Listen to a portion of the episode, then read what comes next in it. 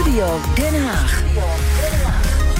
En onze gast in Studio Den Haag is Mirjam Bikker, lijsttrekker van de ChristenUnie. En de ChristenUnie die vindt het eigenlijk wel mooi geweest. De partij wil af van het quote neoliberale springhaankapitalisme. En ze hebben te lang tegen de neoliberale stroom ingeroeid, zegt lijsttrekker Mirjam Bikker tijdens het verkiezingscongres van de partij in Zwolle afgelopen weekend. Bikker wil af van het kille marktdenken bij de overheid, de kinderopvang in de volkshuisvesting. En zo moet er een einde komen aan de dictatuur, al dus de partijleider. Nou, een lijst aan nieuwe termen om, door, om over door te praten. Mirjam Bikker, ChristenUnie-lijsttrekker en politiek verslaggever Leonard Beekman in Den Haag. Goedemiddag. Goedemiddag. Hoi. Leendert, eerst maar even naar de actualiteit. Het ging ook in Den Haag over de spreidingswet vandaag. Ja, gaat die er nu wel of niet komen? Nou, ik kan er heel kort over zijn, uh, Lisbeth. De Eerste Kamer, daar moet hij uiteindelijk doorheen.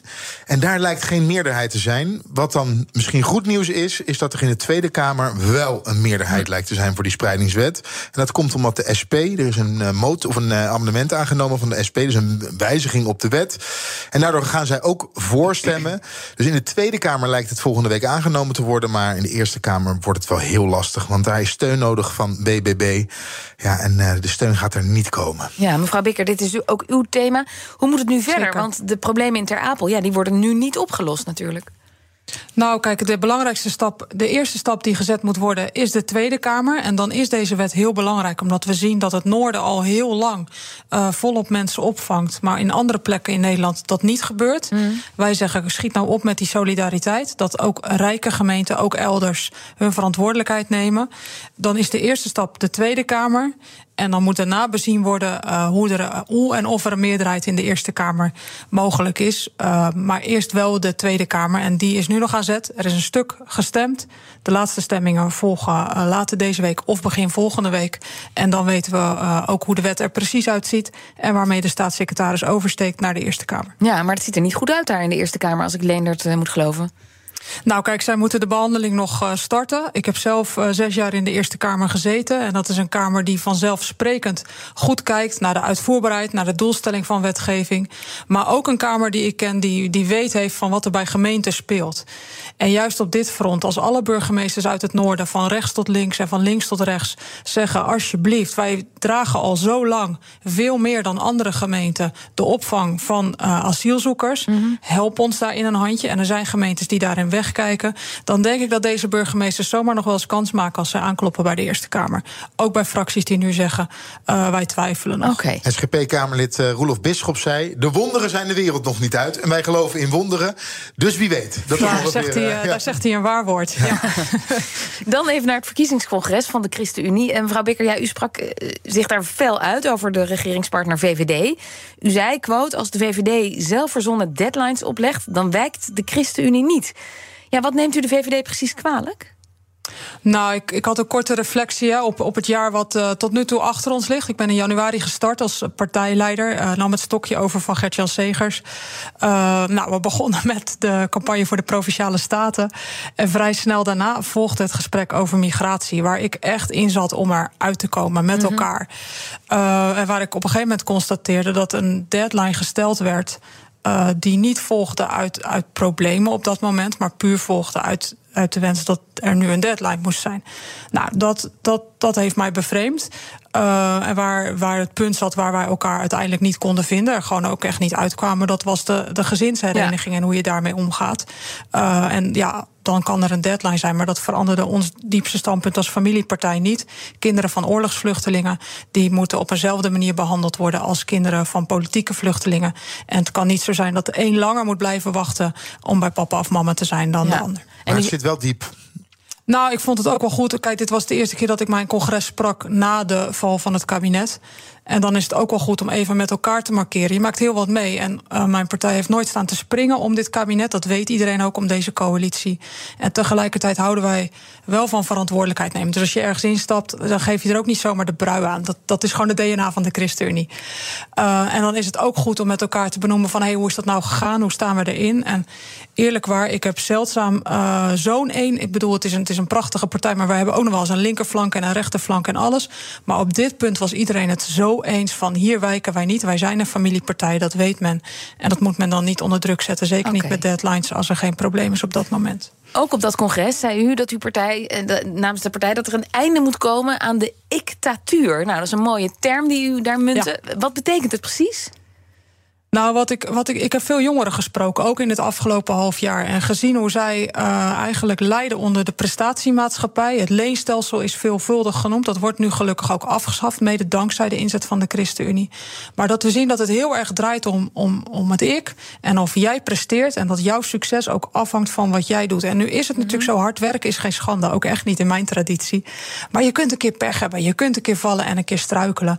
En daarom is het zo belangrijk dat je met elkaar, dat je een gemeenschap vormt waarin je naar elkaar omziet. Zodat als u struikelt, dat er iemand in uw buurt u op, opvangt. En de volgende keer zal het dan andersom zijn dat u die vriend of vriendin overeind helpt. Ja, dus tegenover de dictatuur staat dan gemeenschapszin. Zeker, dat het daar staat tegenover samen optrekken, ruimte hebben om voor elkaar te zorgen.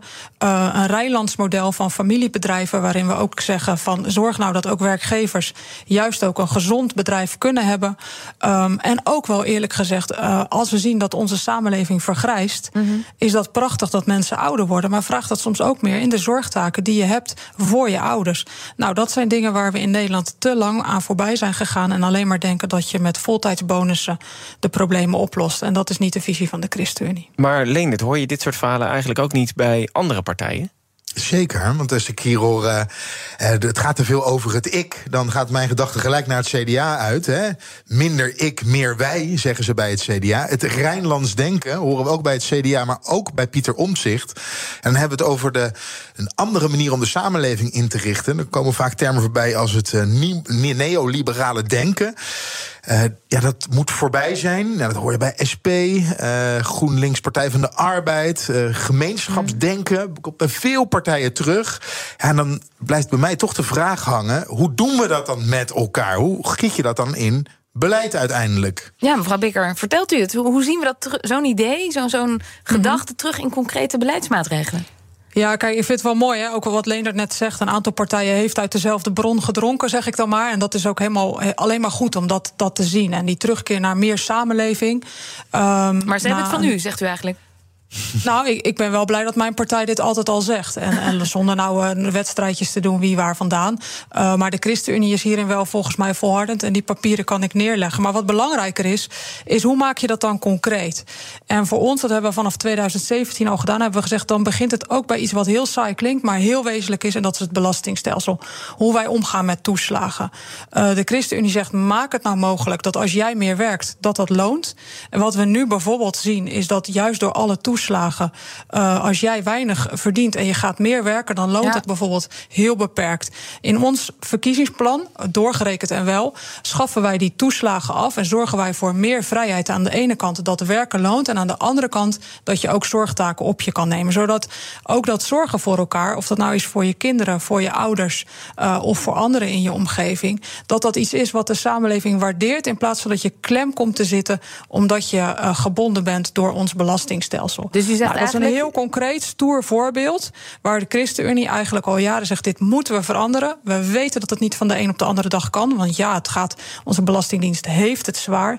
Maar het is wel de richting die wij op willen. Oké, dus gemeenschapszin kun je ook via de belastingen regelen. Absoluut. Um, ja. Um, u uit de kritiek dus op de VVD. U verschilt ook echt van opvattingen met die partij. En met de kennis van nu vroeg ik me af: had u dan eigenlijk nog een keer in een coalitie gestapt met de VVD? Nou, kijk, op een heel aantal punten hebben we samengewerkt en kom je tot een compromis. En andersom zal de VVD ook zo zijn dingen hebben waarvan ze denken: ja, daarom zijn we dus duidelijk geen ChristenUnie. En dat, is ook, dat hoort ook hè, in ons land.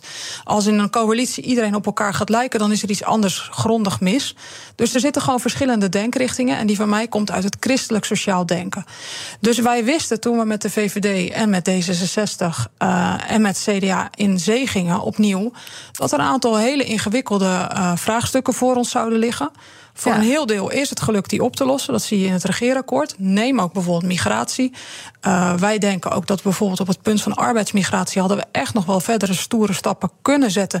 Die ook echt zouden bijdragen aan dat er minder lasten op de maatschappij drukken. Maar toen Wat we nu het. wel zien. Uh, maar u heeft gezien dat we daar samen niet uit zijn gekomen. En dat betreur ik ook. Dat heb ik ook ja. op mijn congres gezegd. Niet omdat ik het zo graag eens word met de VVD. Wel omdat ik het zo belangrijk vind dat dit land een kabinet heeft wat problemen oplost. En echte problemen ja. ook aanpakt. In plaats van uh, ja, eigenlijk maar telkens blijft managen. Maar u zegt net dus op dat congres. Van. Op dat congres voelde u dat de overtuiging zo diep zit bij de ChristenUnie... dat, dat daar echt geen ruimte was om daarin mee te gaan met de VVD. Dus dan denk ik, ja, had u dat eigenlijk achteraf uh, zo willen doen? Had u er dan ingestapt?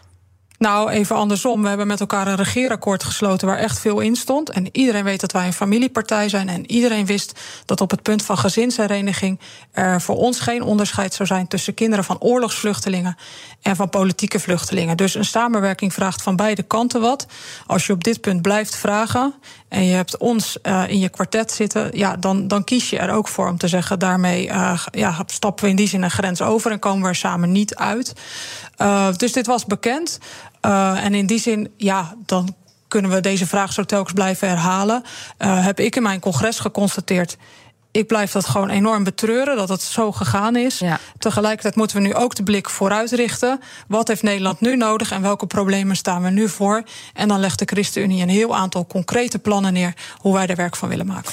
Lener, tot slot nog even kort. Morgen zijn de algemene financiële beschouwingen. Overmorgen ook nog.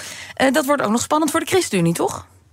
Zeker, want er ligt namelijk uh, een motie, dat moet in een amendement gevangen worden. Bijvoorbeeld over het verhogen van het minimumloon. Daar staat uh, de handtekening van de ChristenUnie onder.